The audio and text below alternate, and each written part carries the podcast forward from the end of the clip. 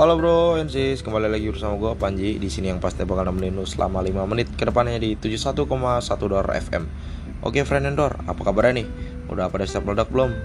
Maksudnya meledak semangat. Haha. Nggak ada alasan nih buat lemes ya, apalagi yang lihat mantan jalan nama cowok barunya. Uhuy. Kasihan deh lo, tapi tenang, jangan khawatir. Di sini gue bakal coba buat friend and Dor yang denger bisa terhibur nih, karena gue di sini bakal bahas fakta atau mitos zaman dahulu yang sering kita dengar Gue minta lo semua juga menangkapnya setuju itu fakta atau hanya mitos belaka. Makanya pantengin terus di acara Dor Dor Dor. Uhui. Friend Dor, pada percaya mitos zaman dahulu gak sih? Mitos dipercaya tentang apa yang tidak boleh dilakukan agar tidak tertimpa bala. Hah, BTW, bala itu seperti kesialan gitu ada aja deh pokoknya. Kalau di kota-kota besar, mitos itu cuman dianggap isapan jempol belaka tapi kalau di pedesaan ataupun kota-kota kecil masih banyak yang percaya mitos walaupun dari sisi sudut pandang logika tidak masuk akal. Nah, friendor, bro kita ada beberapa mitos zaman dahulu yang sering kita dengar bakal gue bahas. Pertama, bulu mata ada yang jatuh atau rontok.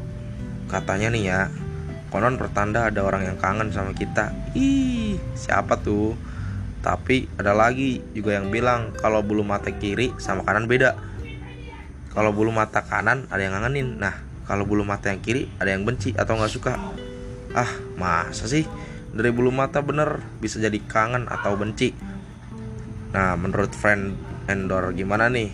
Pada setuju nggak? Kalau kata gue sih nggak masuk akal aja. Contoh nih, misalnya gue dikangenin sama 10 cewek pada saat yang bersamaan. Maklum, gue kan playboy, ha, bercanda. Terus bulu mata gue yang kanan copot 10 biji Jatuh botak dong sebelah. Jangan sampai deh ya. Terus yang kedua nih Makan depan pintu. Konon katanya kalau makan di depan pintu Bakalan susah dapet jodoh ya. Ya kali dah. Masa iya? Coba bayangin Makan depan pintu nggak dapet jodoh. Gak masuk akal deh kayaknya. Masa jodoh kita yang ngatur pintu sih? Jodoh kita kan yang ngatur Allah. Tinggal kitanya doang gimana usaha untuk mendapatkannya. Anjay mungkin kalau menurut gua makan di depan pintu itu nggak boleh. Ya karena ngalangin jalan orang. Ya nggak sih? Lagian ngapain juga makan di depan pintu sih? Meja makan kan ada disediain buat makan. Ini malah di depan pintu. Orang jalan mau lewat kan jadi terganggu dengan adanya itu orang tersebut. Mungkin begitu kali ya maksudnya tapi nggak tahu juga sih itu kan pendapat pribadi gue ha nah terus ada lagi nih friend and door. Mengantongin batu di saku celana Nah ini nih. Pernah dengar mitos soal mengantongin batu? Kabarnya jika kita mengantongin batu di saku celana Maka kita entah menahan keinginan untuk BAB Entah dari mana asal usulnya ini. Eh tapi jujur gue pernah ngelakuin ini bahkan gak sekali. Seingat gue pas SD sih. Itu tuh pas balik sekolah. Jadi waktu itu gue lagi otw pulang ke rumah dari sekolah naik angkot. Nah pas di sekolah tuh gue udah ngerasa mules coy. Parah tapi gue lebih milih nahan karena di sekolah itu toiletnya kurang PW ya gak sih? Kotor gitu. Jadi ya gue lebih milih nahan aja. Tapi ternyata pas jangkut tuh perut udah berasa ada dorongan yang ingin diledakan rasanya. Tapi demi harga diri gue berusaha sekuat tenaga untuk nahan ledakan itu. Setelah gue turun dari angkot nih gue langsung nyari batu dan langsung gue kantongin tuh batu. Nah saat itulah ajaibnya. Asli ampuh sob mules gue hilang perlahan sob gue nggak bohong. Pas sampai rumah gue inget. Gue ambil tuh batu dari kantong terus gue liatin batu sambil ketawa-tawa. Karena gue nggak percaya bisa beneran ngilangin mules gue nggak tahu deh apa karena itu sugesti yang ada di otak gue atau gimana. Eh friendor ada yang pernah ngalamin hal yang sama? Aduh ada-ada aja ya. Nah yang terakhir nih mengintip orang mandi Katanya orang yang suka ngintip orang mandi nanti mata, matanya bisa bintitan. Tahu bintitan kan? Yang tak yang pasti yang tahu lah. Bagi yang belum tahu bintitan itu matanya seperti bengkak gitu kayak bentol kecil di mata. Cobain dah. Canda-canda. Jujur gue pernah ngalamin tuh yang namanya bintitan pas SMP kalau nggak salah.